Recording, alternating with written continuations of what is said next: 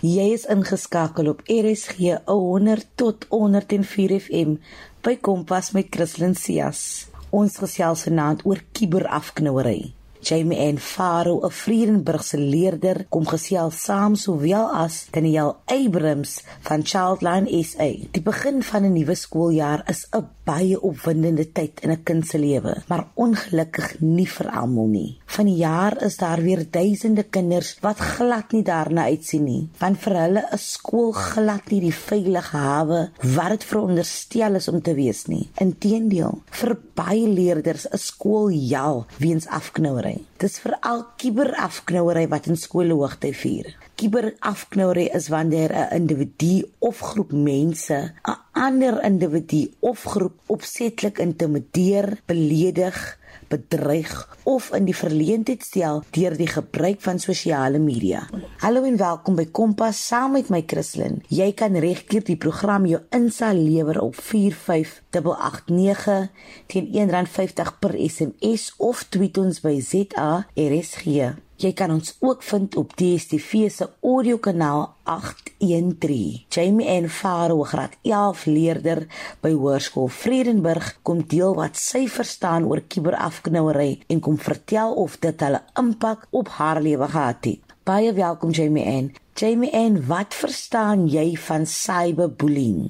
Cyberbullying of seksuele teistering op 'n persoon of 'n groep mense, 'n individu afknou wat die hom of haarself maklik kan beskerm nie deur middel van elektroniese kontakvorms soos WhatsApp, Facebook, Twitter, Instagram en daar's nog baie platforms wat jy kan noem. Was jy al 'n slagoffer of het jy dit al ervaar? Ek persoonlik was nog nie 'n slagoffer van cyberbullying nie, maar ek ervaar dit basically op 'n daaglikse basis. Wanneer as ek byvoorbeeld Facebook oopmaak, dan sien ek die foto's of video's van mense wat viral gegaan het. En die lelike kommentaar of memes self wat die mense daarvan maak. En die afkrakende goed wat hulle sê van hierdie persoon in hierdie video of foto's. Like dit is sê toe mense mekaar kan afkraak asof dit niks is nie. Asof dit vir hulle 'n grap is of asof hulle selfs 'n kiek daaruit kry om die lelike goed van hierdie persoon te sê of hierdie memes te maak. Ek hoor jou. Dink jy kinders van vandag besef waarmee hulle besig is wanneer hulle iemand aanlyn aanval? Want hulle weet wat hulle doen eintlik verkeerd te sien.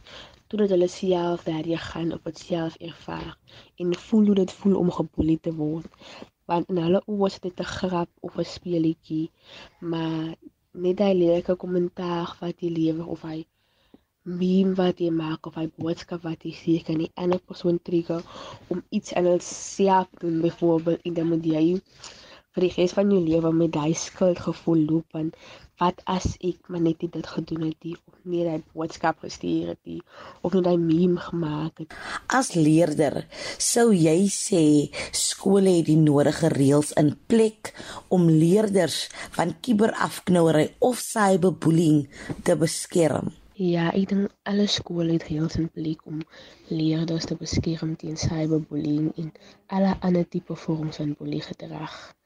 Maar daar sal altyd diegene wees wat die reëls gaan verbreek en voortgaan om ander te boelie of af te kraak of self af te knou as jy vir iemand wat kiberafknouery toepas iets kon sê, wat sou dit wees?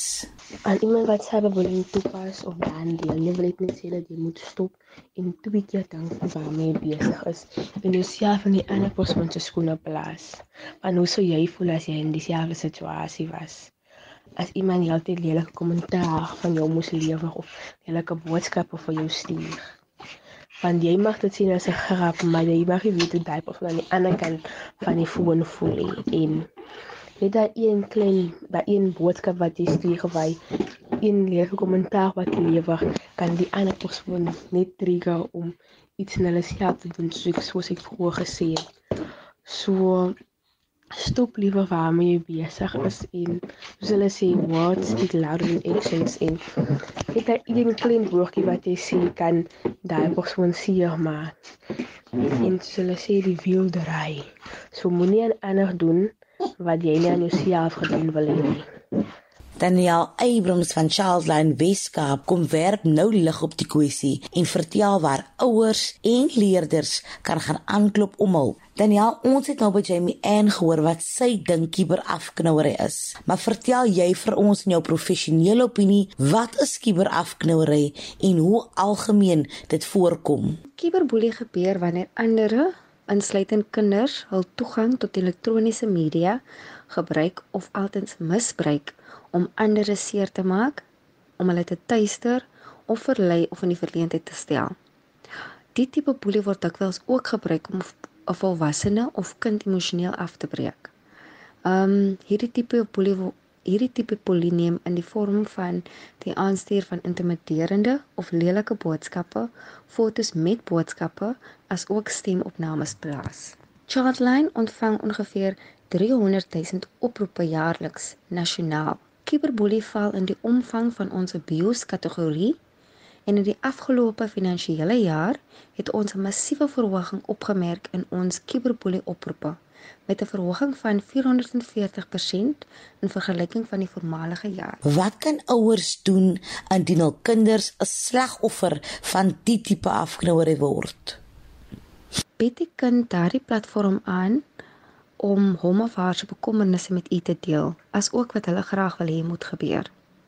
Ehm um, neem hulle bekommernisse en vrese ook ernstig op en probeer soveel as moontlik om kalm te bly. Probeer om nie die blame te kenmerk nie, alhoewel jou kind iets gedoen het wat jy dalk nie sal mee saamstem nie of wat jy hom of haar nie sou aanraai om te doen nie. Vierdens, ehm um, rapporteer die klagte en neem aksie om die kiberboelie aan te spreek. Probeer dus ook om die bewyse te stoor. Neem 'n skermskoot van die boodskappe of die fotos en moet dus ook geen verdere bewyse skrap nie. Neem aksie om verdere boelie te voorkom deur om alle kommunikasie met die boelie te blokkeer. Indien die boelie dalk iemand is by u kind se skool, gaan praat met u kind se onderwyser of die prinsipaal oor die situasie en probeer uitvind of die skool die anti-boelie um, beleid het probeer soveel as moontlik sensitief te reageer op u kind se emosies, soos om byvoorbeeld nie u kind onmiddellik te verbied van die gebruik van hom of haar sosiale media nie vir 'n onbepaalde tydperk nie. Dit sal dus help as u oop 'n oop en eerlike gesprek het met u kind oor die reëls van sosiale media, die verantwoordelike gebruik daarvan en om ook u kind se sosiale media aktiwiteite te monitor vir wie kan kinders nader indien hulle hulp sou maakeer? Ons het gevoel dat dit gepas is om die jeug te bereik waar hulle die meeste is en dit is aanlyn. As hulle onveilig voel op sekere platforms, moet hulle ook weet dat daar wel ook veilige aanlyn platforms is, soos byvoorbeeld Childline South Africa, waar 'n beraader beskikbaar is om te luister, advies te lewer en ondersteuning te bied. Childline het 'n nasionale tolvrye nommer wat 116 is. Dit is verniet van alle netwerke en is beskikbaar 24 uur 7 dae per week. Wat beteken dat dit nooit te laat wees sal wees om uit te reik na ons nie. Ons het ook 'n aanlyn berading kletskamer of soos in Engels online counselling chat rooms op ons webwerf www.childlinesa.org.za wat beskikbaar is vir jeug vanaf maandag tot vrydag tussen 2 en 6 uur die namiddag en vir ons ouers ook onderwysers en voogte maandag en vrydag tussen 11 die voormiddag tot 1 uur die namiddag. Ons beraders bied ondersteuning en advies aan en in hoë risiko situasies is ons sta, is ons in staat om vir u 'n saak te open en te verwys na 'n gepaste organisasie of instansie soos die polisie of 'n ander maatskaplike werker wat gekwalifiseerd is in daardie spesifieke situasie. Enige ander woorde van advies vir kinders wat geboelie word of aan diegene wie die boelie is. As Childline probeer ons ten alle tye om te beklemtoon die belangrikheid van veilige en verantwoordelike gebruik van sosiale media. Nie hulle sal doen in hulle daaglikse face-to-face interaksies vir die ouers moedig u kind aan om nie enige persoonlike inligting van hom of haarself te plaas op die internet of sosiale media nie, soos byvoorbeeld hulle volle name, um u volle name, hulle adres, telefoonnommers, identiteitsnommers of enige inligting wat u kind in gevaar kan stel. Die kinders of die jeugdiges moet ook nie enige persoon invaar wat hulle nie ken nie, tensy dit 'n familie of lid of vriende is nie. Indien jy dalk vriende aanlyn het, behou dit aanlyn en moet nie afspreek om mekaar privaat te ontmoet nie. Indien jy dalk die begeerte het om 'n vriend aan 'n aanlyn vriend te gaan ontmoet vir die eerste keer, doen dit met die toestemming van jou ouer of jou voog en stel hulle dus ook in kennis van jou bewegings. Kinders moet bewus wees vir die feit dat iemand aanlyn ook vir hulle valse inligting kan verskaf, soos byvoorbeeld wie hulle is en waarvandaan hulle kom. Indien jy daarvan geniet om aanlyn te klets, probeer dit slegs doen met bekende vriende en familie.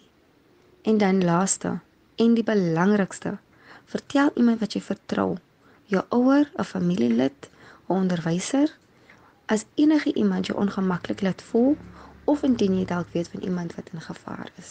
Ek persoonlik was al 'n slagoffer van kiberafknouery en dit is vir my altyd so opvallend hoe sterk en vol mag daardie keyboard warriors voel wanneer hulle jou aanval. Ilisna Kelly, 'n voedkundige spesialis, kom vertel ons meer oor die onderwerp. Baie welkom Ilisna. Wat sou jy sê is die effek van kiberafknouery op 'n slagoffer? Die slagoffers van kiberboelie sal hulle self baie maklik isoleer van maats of die gewone buitemuurse aktiwiteite wat hulle sou aan deelneem. Hulle akademiese prestasies sal begin afneem en daar sal psigologiese simptome wees wat die leerder dalk nooit ervaar het van tevore nie. Byvoorbeeld sal duidelik irritasie wees, 'n agitasie en moontlik 'n vrees wanneer die toestel gebruik word of 'n sekere sosiale bladsy besoek word. Leerders wat op 'n kuberwyse afgeknou word, sal byvoorbeeld rekeninge op hulle sosiale media soos Facebook, Twitter en TikTok dan sluit om dan net weer 'n ander rekening oop te maak of selfs die toestelle wat hulle gereeld gebruik, selfone, tablette, sowel as hul rekenaar wegsteek vir hul ouers en dit alles is dan tekens dat iets aan die gang is. Hoe het afknouery oor jare ander vorms aangeneem. 'n Kiberboelie word opportunisties in aard gesien deur navorsing gedoen en daar word gesê dat hulle aanval wat hulle loods baie min beplanning verg en dat dit half in die moment op die oomblik gebeur. Hulle gebruik ook baie keer die inligting, die fotos wat dan daar gestel word deur die slagoffer waar hy homself dan blootgestel het daarvoor op 'n sosiale media bladsy. Dit gesê, as ons terugkom na die 40 tot 50% van die boelies wat geken word deur hulle slagoffer, wonder mense hoekom dit dan nie gerapporteer word nie.